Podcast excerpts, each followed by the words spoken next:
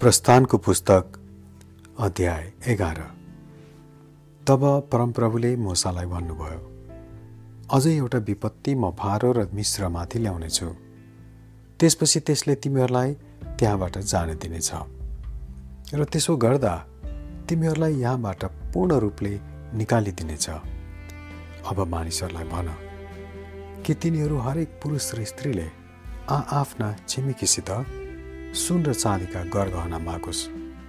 अनि परमप्रभुले मिश्रीहरूलाई ती मानिसहरूप्रति कृपालु बनाइदिनु भयो त्यसबाहेक मोसा मिश्र देशमा फारोका अधिकारीहरू र समाजका दृष्टिमा महान ठानिए। यसैले मोसाले भने परमप्रभु यसो भन्नुहुन्छ मध्यराततिर म मिश्रको बीचबाट भएर जानेछु। सिंहासनमा बस्ने फारोको जेठो छोरोदेखि लिएर जाँतो पिस्ने कमारीको जेठो छोरासम्म गाईबस्तुका सबै पहिले बिहाएका समेत मिश्रका पहिले जन्मेका सबै मर्नेछन्। सारा मिश्रभरि अघि कहिल्यै नसुनिएको क्रन्दन सुनिनेछ जो फेरि सुनिने छैन। तर पशुको विरुद्धमा होस् वा मान्छेको विरुद्धमा होस् इजरायलीहरूका बीचमा एउटा कुकुर पनि भुक्ने छैन।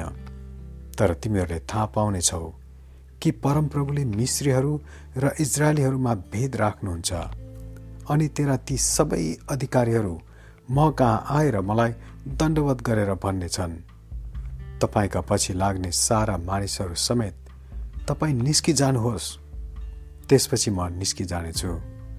तब मोसा अत्यन्त क्रोधित भएर फारो कहाँबाट गइहाले? परमप्रभुले मुसालाई भन्नुभएको थियो मिश्रमा मेरा आश्चर्यका कामहरू अझ बढ्दै जाउन् भनेर फारोले तेरो कुरा सुन्ने छैन। मोसा र हारुनले यी सबै आश्चर्यका कामहरू फारोको सामु गरे। तर परमप्रभुले फारोको हृदय कठोर गराइदिनुभयो र उनले इजरायलीहरूलाई आफ्नो देशबाट जान दिएनन्। आमेन।